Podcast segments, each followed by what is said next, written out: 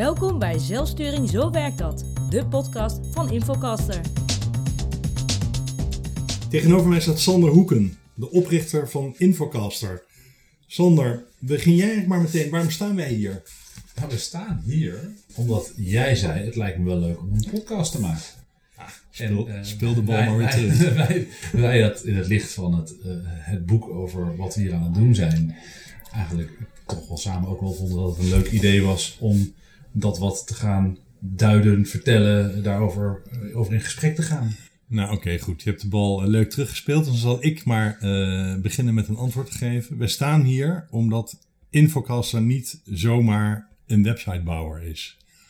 Leg eens uit waarom Infocaster niet zomaar een websitebouwer is. Omdat het eigenlijk bij ons niet echt gaat over wat we doen, maar hoe we het doen. En dat in de afgelopen vijf jaar we alles aan gedaan hebben om goed bedrijfje te spelen. Een goed bedrijfje, dat klinkt zo makkelijk, maar het is ontzettend complex. En zeker als je dat in transparantie wil doen, zodat iedereen ook mee kan denken. En daar hebben we zo ontzettend veel leuke, mooie, pijnlijke dingen van geleerd. Dat ja, Infocast op dit moment best wel een bijzonder bedrijf aan het worden is. Zonder dat ik dat als oprichter altijd vind. Ehm, want het is eigenlijk door iedereen wel gedragen die hier werkt, die hier met ons zaken doet, dat het een bijzonder bedrijf eh, geworden is. Eh, terwijl we als doel eigenlijk alleen maar hebben gewoon een goed bedrijf zijn. Eh, en, en daar hebben we heel veel, heel veel leuke dingen over meegemaakt. Maar bij een goed bedrijf denk ik aan een CEO. Hè, dan denk ik, oh, die oprichter Sander Hoeken, dat zal wel de CEO zijn. En C staat voor Chief. En dan is Peter Nijenhuis de CFO, Chief Financial Officer. En dat is niet zo hier, toch? Nou ja, de, de, de, bij een goed bedrijf, ik zou niet weten wat het hebben van een baas of iemand die zich CFO of CIO of CEO noemt, te maken heeft met goed of slecht bedrijf. Maar dat is wel de norm in het bedrijfsleven. Ja, dat is precies wat we hebben gedacht anders te doen. We gaan even los van de norm, gaan herontdekken voor onszelf wat een goed bedrijf eh, is. En op basis van dat goede bedrijf processen inrichten zodat het goede bedrijf niet hangt om een CEO die toevallig verlicht is. En denkt, nou, ik ga hier eens een, iets leuks mee doen, maar om iets te maken dat je eigenlijk ook een soort van Pandora's box niet meer in de doos terugkrijgt. Eh, maar dat je iets maakt waardoor we met elkaar houvast hebben om het ook vast te houden. Al wisselt straks deze CEO een keer voor een ander soort iemand. Terwijl, eh, eh, en dat je eigenlijk ook de CEO niet meer nodig hebt op die manier. Maar dan is dat toch wat Infocast een, niet maar zomaar een websitebouwer maakt. Het feit dat jullie die, de, deksel niet meer, de deksel van de doos hebben gehaald. Dus zonder hiërarchie, zonder di- directie proberen te werken.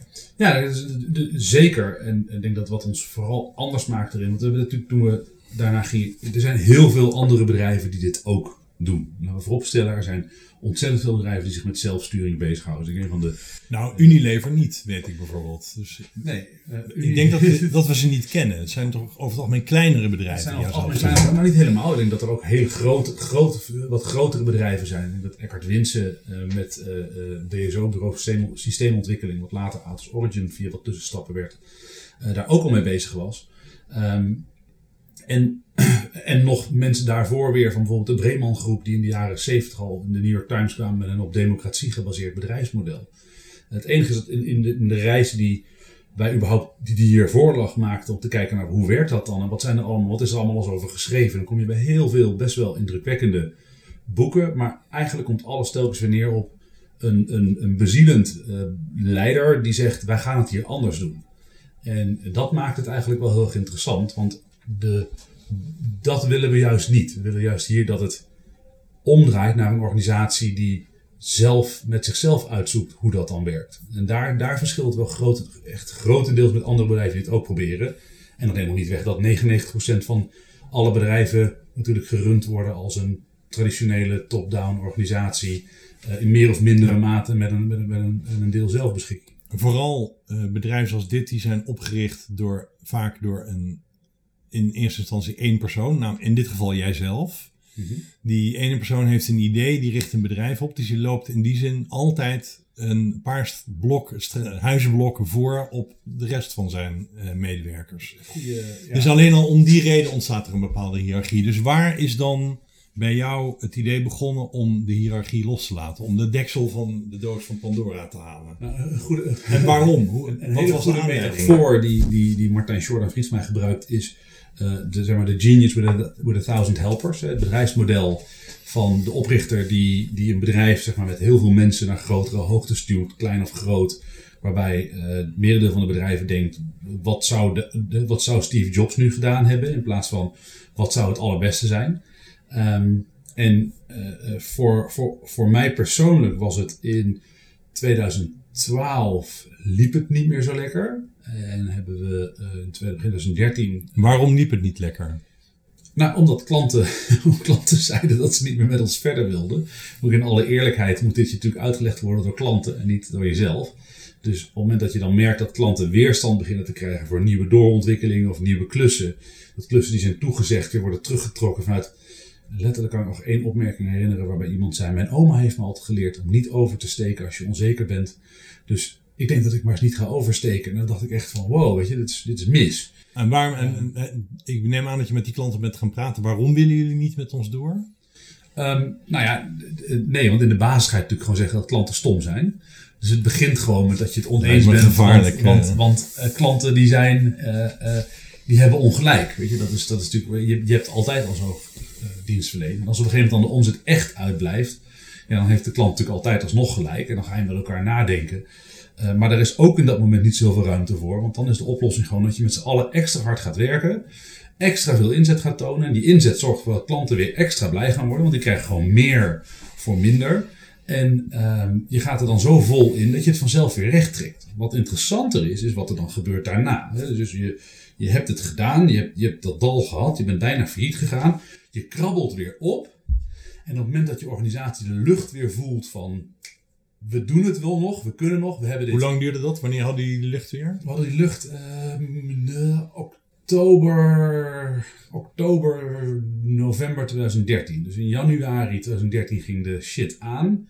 In maart, april met vakantiegelden, mei was de shit echt vol aan. Ook liquide, eh, geld was bijna op, eh, hosselen voor werk. Hoe gaan we dit nou verder pakken? En waarom overkomt ons dit? En eigenlijk zag je daarna eh, alle, alle tijdelijke contracten niet verlengen.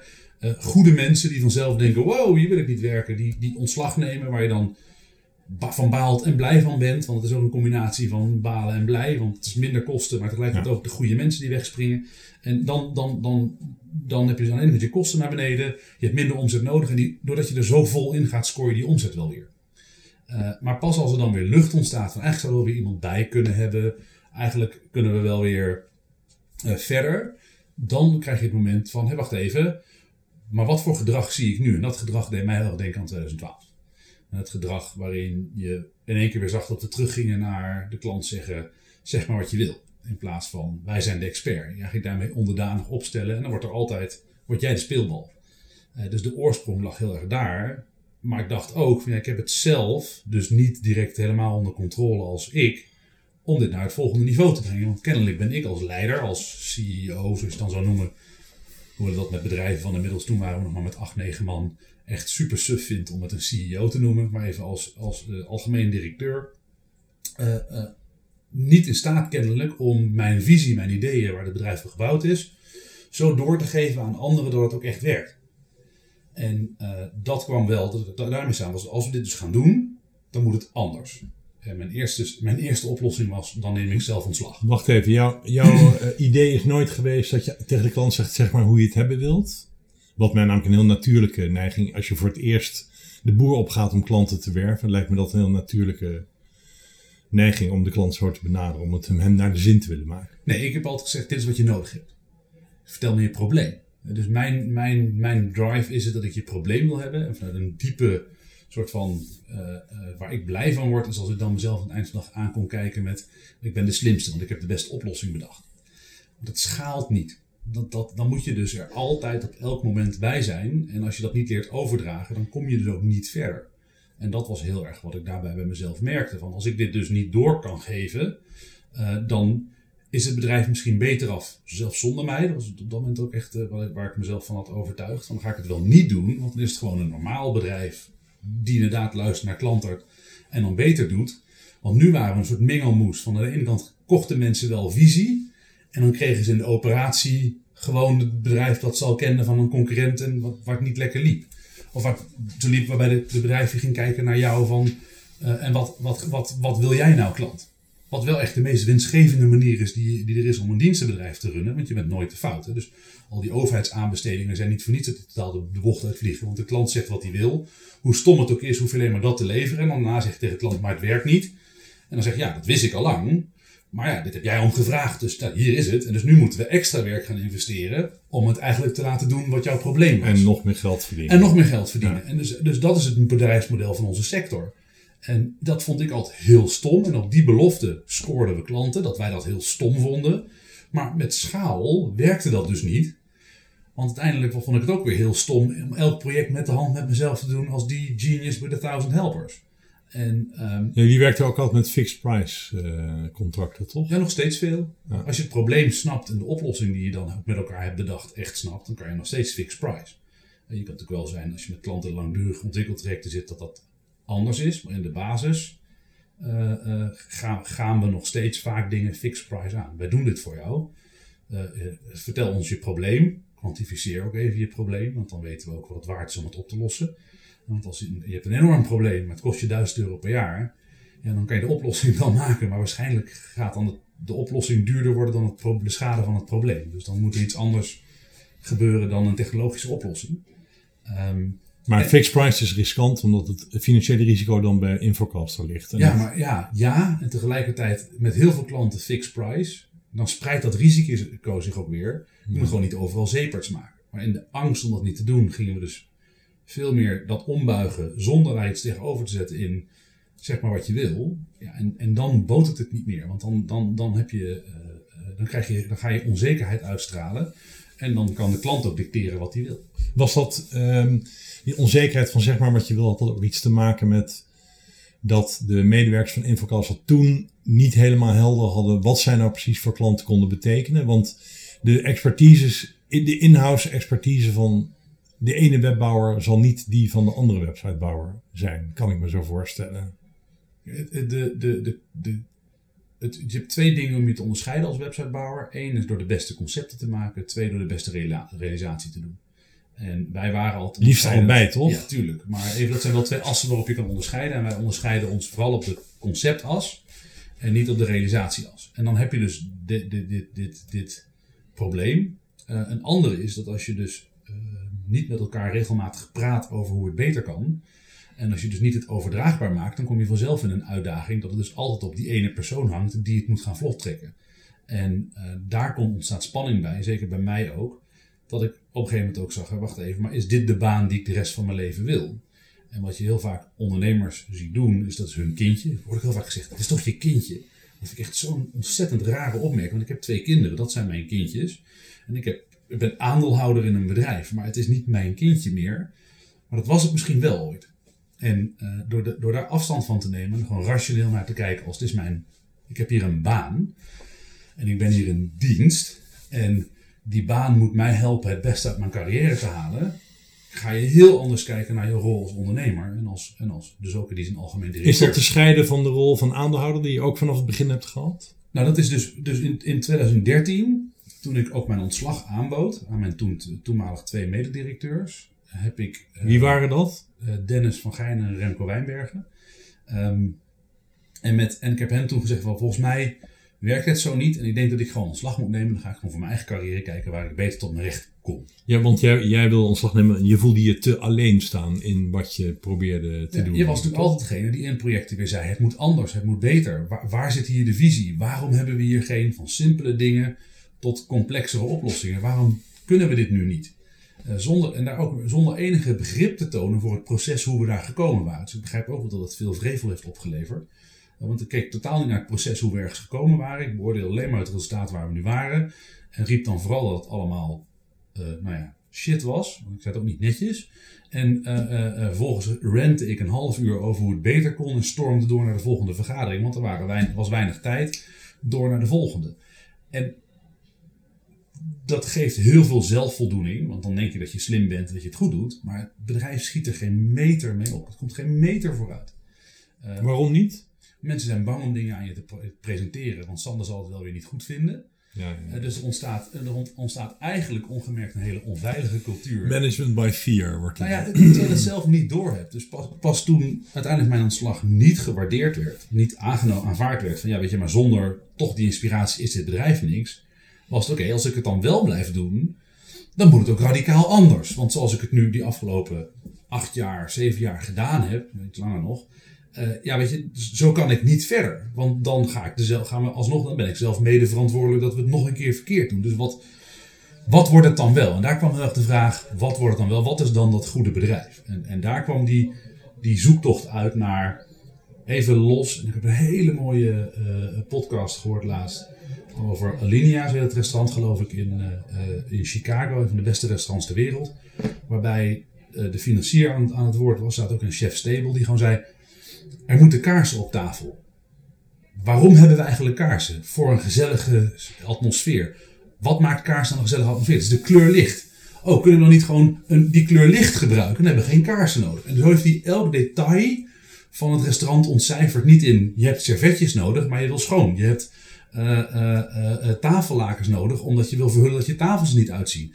Eh, dan kunnen we er ook de tafels goed uit laten zien, maar dan krijg je kringen op tafels. Oké, dan moeten we tafel... Het, het wordt een eindeloos verhaal van hoe je een restaurant uit elkaar pluist tot iets anders. En eh, dat, dat die podcast al een paar maanden geleden hoorde die. En ik meen dat die bij eh, Tim Ferriss was, of Master of Skill van Reed Hoffman. Hartstikke leuk. Eh, en, ik, en ik luisterde, en dat is precies wat wij hier gedaan hebben, namelijk wat is dan dat goede bedrijf? En hoe zorgen we ervoor dat we mensen in staat stellen om invloed te hebben op dat, op dat, op dat goede bedrijf? Hoe zorgen we ervoor dat mijn mening, waar ik nog steeds in geloof dat het een goede mening is, ik word daarvoor betaald, ik krijg daar goede uurtarieven voor als ik dat voor een klant doe. Het wordt denk ik inmiddels vaak gewaardeerd in de organisatie als ik ergens bij meedenk. Maar hoe zorg ik er nou voor dat die dan niet daarna weer wegvalt, dat onveiligheid creëert? Hoe gaan we dan met mensen met een mening om? Hoe zorgen we ervoor dat we altijd verbeteren? En dat, dat zijn fundamentele vragen die dieper gaan dan eigenlijk wat je nu meestal ziet. Ondernemer of organisatie zegt, we hebben een probleem met onze sales. En dan ofwel een salesopleider aan boord haalt, of een salescoach aan boord haalt, of extra salescapaciteit extern gaat inkopen, of het allemaal gaat outsourcen, of het weer allemaal gaat insourcen. Maar eigenlijk gaat kijken naar wat is het proces om tot goede sales te komen. En dan ga je een veel diepere, veel dieper nadenken over hoe komen we daar dan? En, en, en wat moeten we daar dan voor doen? Je, hebt het, je vertelt net over een podcast over dat restaurant Chicago. Was je toen ook al eh, bezig met, de podcast bestond volgens mij in 2012. Nou, die bestond natuurlijk wel, maar het was nog niet zo populair. Maar was jij, eh, ben je altijd al bezig geweest met lezen over, luisteren naar, eh, zoeken, zoeken naar eh, ideeën hoe je, een bedrijf, je, bedrijf beter kunt, je je eigen bedrijf beter kunt laten Nee, ik ben, altijd, ik ben altijd op zoek geweest naar eh, eh, inspiratie over hoe, hoe, je, hoe je dingen beter kan doen, hoe ik beter kan worden en hoe producten beter worden. En dat is pas in 2008, 2009, misschien 2010 rond die tijd gekomen dat ik ook ben gaan lezen over Good to Great. Maar echt het, de, de traditionele. We gaan nou eens lezen over hoe je een goed bedrijf doet. Dus vond eh, zeker Good to Great als een boek waar ik dacht, hé, hey, Gung Ho gelezen. Een boek als, The Go-Giver gelezen. Superleuke eh, titels die gaan over hoe je beter sales doet zonder krampachtig te worden. Het verschil tussen go-getters en go-givers. Ontzettend leuke boekjes. Ehm, maar ik bleef altijd een hoop vragen achter. Van, en nu dan die volgende stap. Dus, dus, de, dus de, het is heel veel inspiratie. En je denkt dan, dit ga ik morgen anders doen. En, het, en precies dat is wat, wat mij aan dwars zat uiteindelijk. Want ik heb al die boekjes gelezen terwijl het bedrijf uiteindelijk in 2012, eh, eind 2012 naar de kloten ging. Ehm, al die boeken gelezen. Dus het heeft toch niet gematerialiseerd in iets wat het systemisch oploste. Eh, het was inspiratie. Dan was er weer eens. En ik weet nog goed dat op een gegeven moment. Ik denk dat het Dennis is geweest. Maar dat kan ook iemand zijn. Dan kwam ik op maandag op kantoor. En had ik Dennis van Gijn, de toenmalige Ja, COO, moet ik zeggen. Ja, dat je in de kleinbedrijf COO-structuren. Dat mocht toen nog zo heten hier. Het is volgens mij hebben we het operationeel directeur genoemd, maar ik weet niet. Het is, het is, ik heb, het- C heb ik altijd heel stom gevonden voor kleine bedrijven. Dus ik vermoed niet dat het dat, dat het dat was. Maar het is denk ik operationeel directeur geweest als titel. En dan was het weer, als op, de helft van de maandagochtend komt Sander binnen en dan heeft hij wat gelezen. En dan moeten we allemaal luisteren naar het nieuwe nieuwe van een boek dat niet nieuw nieuw hoeft te zijn. Maar dan hebben we met z'n allen weer zeg maar, zo'n impuls van het moet morgen anders. En dan gingen we en, en feitelijk twee weken later zaten we allemaal weer terug in wat we deden. En was er geen, geen jota aan veranderd. Nee. En dat doet me echt onwijs denken aan allerlei dingen waar ik voor ingehuurd ben als professional. Om bij bedrijven te komen helpen waar je dan twee maanden later terugkomt en denkt. Ja, nou ja, het was wel leuk om hier eh, even rond te hangen. Maar er is niet veel veranderd. Ehm, wist je ook al van het werk van Ricardo Semler? Ja. Toen het hier, het bedrijf, naar de kloten dreigde te gaan, zoals je het zelf net noemde. Ja, eh, ik denk dat ik daarmee. Ik denk dat ik dat rond 2011 een keer iets over heb gelezen. Maar het is, dus ik was daar wel in, in gelezen. En het is natuurlijk een beetje gek dat, eh ehm, dat, dat, dat Eckhart Wincy hier notabene aanlouder was. Die zelfsturing ooit heeft uitgevonden. En ik daar tot 2008, tot zijn overlijden, waanzinnig veel mee heb opgetrokken. En het daarmee nooit toch echt, niet... je bent nooit echt met Eckhart gaan zitten om met hem te praten over dat, zijn idee over zelfsturing. Nee, ik ben al gezeten over om te praten over wat we als bedrijf tegenkwamen, waar het misging en goed ging. Maar Maar dat is nooit systematische antwoorden Dat is goed dat je daarbij stilstaat. Hij is dus ook als aandeelhouder nooit met jou gaan zitten om uit te leggen hoe het eh, misschien ook anders kon hier. Dat Nou, jullie... Ik denk dat hij het wel gedaan heeft. Hij zei namelijk dat je doet veel te moeilijk. Je maakt het veel te ingewikkeld.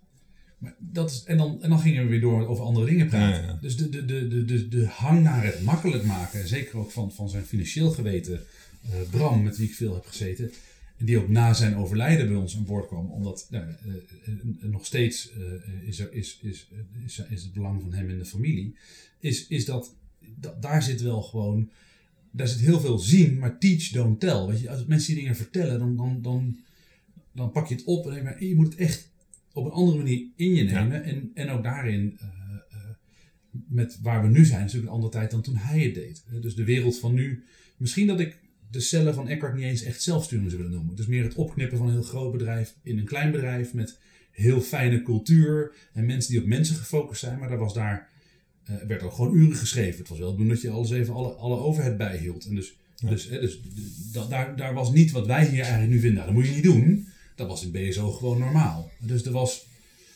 het was misschien minder zelfsturend dan we nu naar denken. Ik denk dat wat Eckhart heeft gedaan is celdenken. Dus maak van die grote bedrijven nou kleinere bedrijven waar het leuk is. Waar het menselijk is en waar het niet toxisch wordt. Dat heeft hij heel Maar wat ik heel leuk vind nu om te horen, als ik dit even mag samenvatten, is dat je wat je net allemaal verteld hebt, komt er eigenlijk op neer dat jij.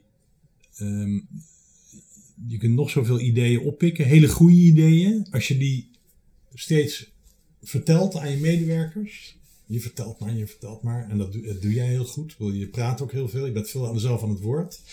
Dan komt het op een of andere manier niet aan. Dus het gaat daar vooral om hoe je eh, de boodschap zodanig overbrengt dat de mensen er ook echt mee aan de gang gaan. Ja, ik denk zelfs nu dat, het, dat je moet gevraagd worden om je boodschap te mogen geven. Dus nog één stap verder. Ik zal zelden meer totaal ongevraagd mijn mening geven. Zonder vooraf eh, in te checken of, of het het moment opportun is dat ik begin mee te denken.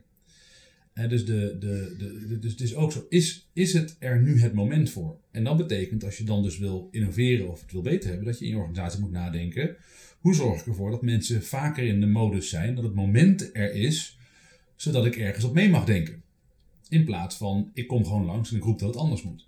En dat, dat is wel echt een fundamenteel verschil. Maar nu heb je het weer over je eigen positie. Het is ook belangrijk dat zij, eh, die helemaal van nature die neiging niet hebben, omdat ze hier bijvoorbeeld gewoon in dienst zijn, ehm, dat zij meer in momenten leren komen waarin ze zelf strategisch gaan, op zijn minst op strategisch gaan meedenken. Ja, dus wat we, wat we hier.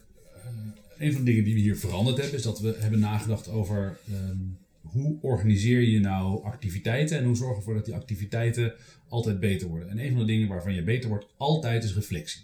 Dus zorg er nou voor dat je reflecteert op wat er gebeurt en hoe het gaat. En eh, dat betekent dat elke activiteit die we hier doen, heeft een ritme. En dat kan, dat kan zijn marketing, waarbij er een eh, maandelijkse marketingmeeting is met voortgang. En eens in het half jaar een keer een improvement sessie, zoals we hier noemen. Dus een verbetersessie. En dat is de echte reflectie. Eh, maar zorg er nou eens voor dat er gewoon iedere x moment een moment is waarop met elkaar samen zitten. En gewoon de vraag stelt, wat kan er beter en wat gaan we doen?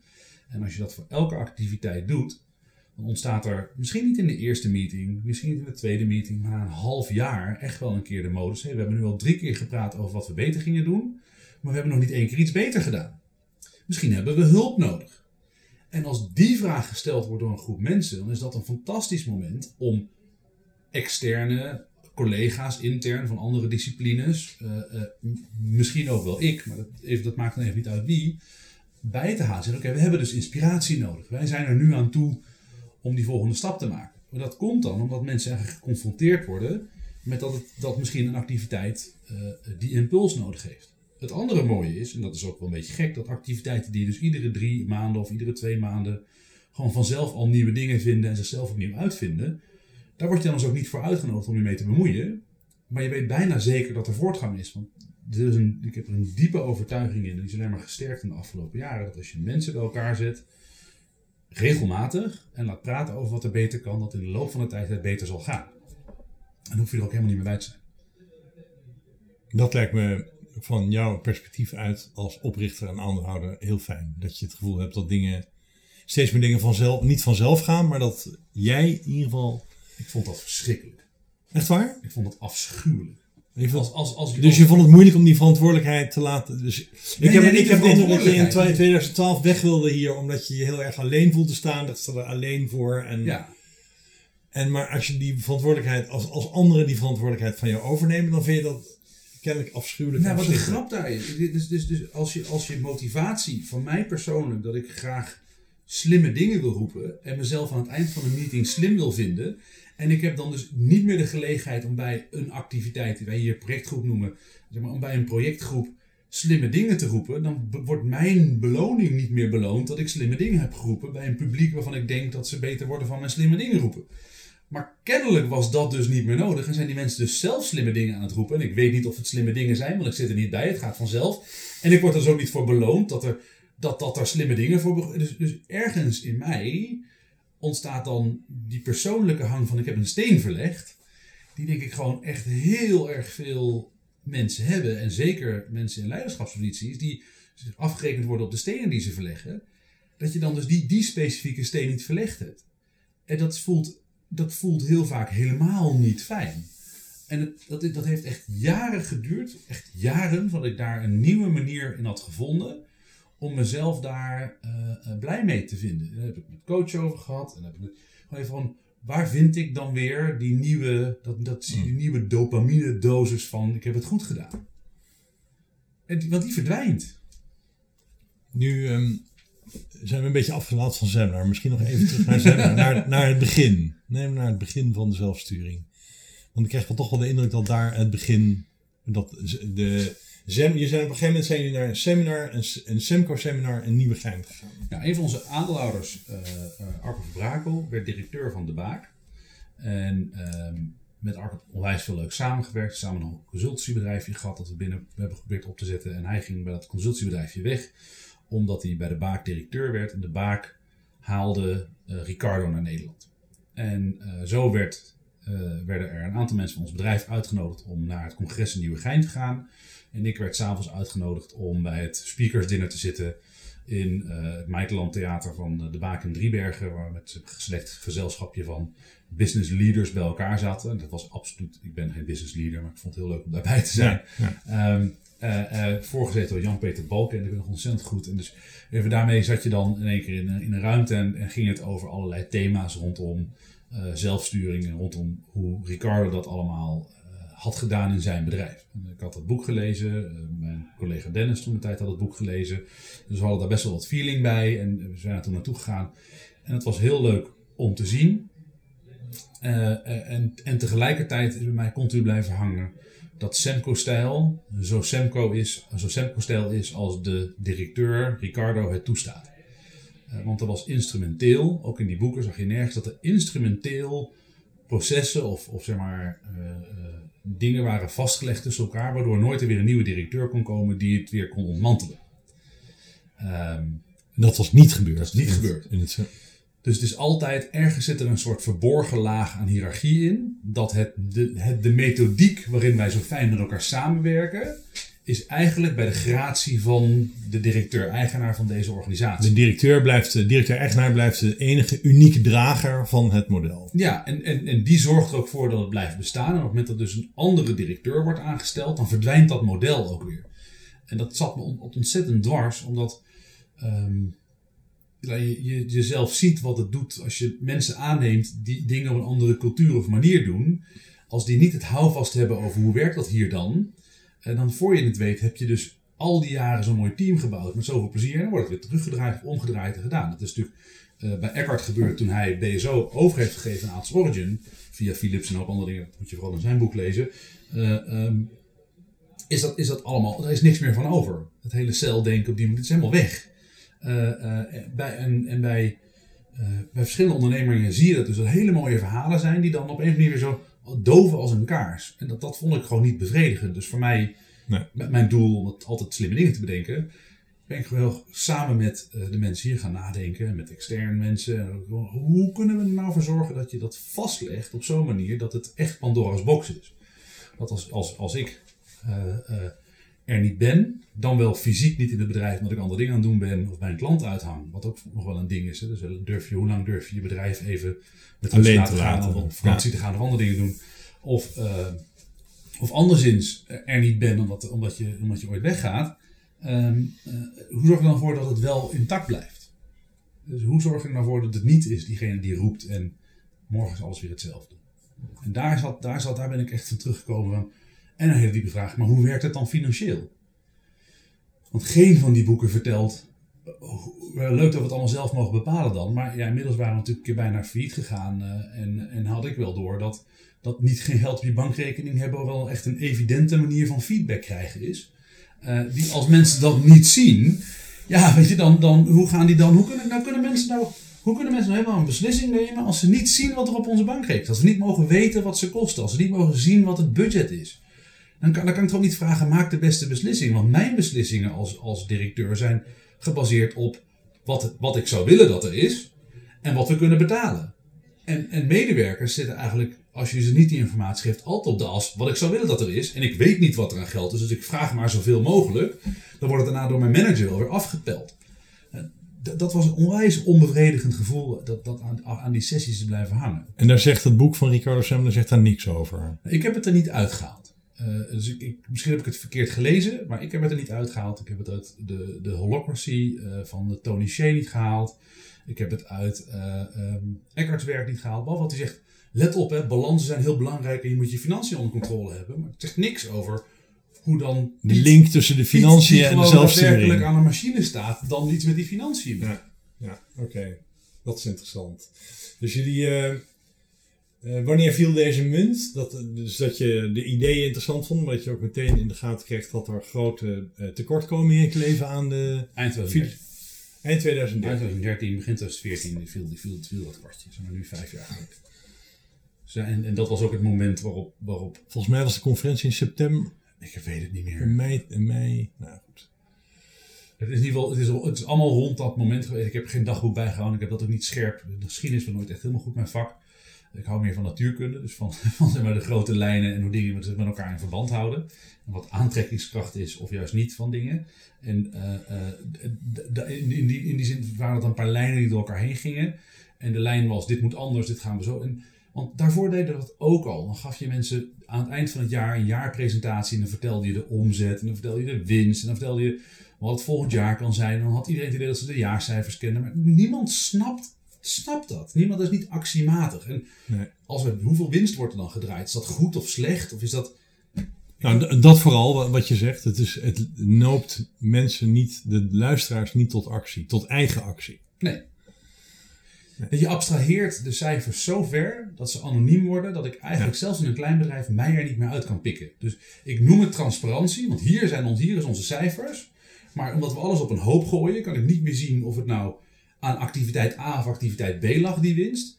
En, en, en, en, en ik zelf ondernemer ook tot, tot op zekere hoogte. Want we hadden een keer, wat ik enorm interessant vond als leer, we hebben heel weinig klanten gehad die niet betaald hebben in ons hele leven als bedrijf. Maar één bedrijf wel, want die ging er failliet. En dat was een bedrijf waar onder andere Oor Magazine, onder andere oprichter oh ja. van Oor. En die hadden namelijk de licentie op Getty in Nederland. Dus die mochten alle Getty images verkopen. En die hadden, volgens mij het bedrijf de Cover Story. Dus die, die maakte, zeg maar, die maakte redactionele stukjes die ze over de hele wereld binnenhaalden als uh, slang met twee koppen gevonden in Peru. En dat vertaalden ze dan uit Nederlands, maakten ze een stukje van, dat verkochten ze dan weer aan bladen. Zoals Panorama en noem maar op. En die hadden dus twee bedrijfsactiviteiten en die draaiden hartstikke goed. Jaar na jaar na jaar, zat hartstikke mooi in Amsterdam. En toen trok Getty de licentie in van Getty Images en was niemand in paniek. Want ja, het bedrijf had toch ook nog een tweede activiteit, het draaide ook goed. Alleen wat, er was nooit geadministreerd waar het geld verdiend werd en waar het geld niet verdiend werd. Nee. Dus, dus alle marge en nog wat meer werd gemaakt op Getty Images. En er werd nooit winst gemaakt op de cover story. Dus dat idee van we hebben toch nog een bedrijf dat doorloopt, was dus meteen ten dode opgeschreven. En ging dus ook failliet. En dat was voor mij als ondernemer, toen ik dat zag aan de andere kant waar wij onze rekening niet betaald kregen, echt een moment waar ik dacht: wauw, dit is dus het is heel belangrijk om, om te weten niet alleen hoeveel omzet je in wat draait, want dat wist iedereen wel, maar ook wat de kostenprijs van die omzet is. En, en, en dat hebben we zelf amper op orde. Laat staan dat als je dat op een grote hoop gooit en dan op een zeepkistje gaat staan, lekker informeel, en dan gaat, gaat uiten van dit zijn onze cijfers. Goed gedaan. En jongens allemaal klappen voor elkaar. Terwijl niemand zichzelf er nog in herkent. En dan dus iedereen denkt dat ze het fantastisch gedaan hebben. Al is het voor sommigen wel zo, sommigen niet zo. Interessant. Dus dat, je noemt nu een ander element waar je van geleerd hebt. Die, uh, een klant die failliet gaat, die zijn rekening niet meer kan betalen. En dan ga je Ja. natuurlijk toch nadenken, waarom kan, hij die rekening, kan hij die rekening niet meer betalen? Dus eh, wanneer gebeurde dat trouwens? Gebeurde dat ook in 2012? Nee, dat gebeurde eerder. Ik denk dat het in 2010 of zo was. Rond die tijd. En de, de, de, ehm, maar dat, dat zijn allemaal van die kleine puzzelstukjes die in je hoofd blijven hangen. Die je dan zelf al wel gaat doorvoeren als ondernemer. Maar dan ga je vervolgens wel gewoon naar je organisatie. Eh, Dus je gaat dan proberen in je boekhoudpakket afdelingen te maken. En dat blijkt allemaal heel lastig te zijn. Alsof niemand ooit in een boekhoudpakket afdelingen heeft gemaakt. Allemaal moeilijk. Eh, eh, want je krijgt één salarisadministratie binnen. Dus dat is allemaal ingewikkeld. Eh, Dus het wordt een soort van gek soort rekenslag daarop gedaan. En dan, ja, die ga je ook niet delen met je mensen. Want ja, je snapt het zelf eigenlijk amper. Dus je presenteert gewoon de jaarcijfers. En dan ben je transparant. Niet dus. Nee, niet. Maar het voelt wel zo. Ja, eventjes. Ja, maar het, Totdat je merkt dat het doodslaat bij je je medewerker. merkt niet eens dat het doodslaat. Want mensen zijn dankbaar dat ze de jaarcijfers hebben mogen zien. Zeggen, wat het is toch een fijn en transparant bedrijf. En op maandag gaan we gewoon weer verder met hoe we het werk deden zoals we het deden. Ja, maar ik merk dat jij dus, eh, misschien heb je het op dat moment niet zo ervaren, maar dat je, je bent bijna weggegaan mede omdat je het gevoel had dat je tegen een muur stond te praten eigenlijk.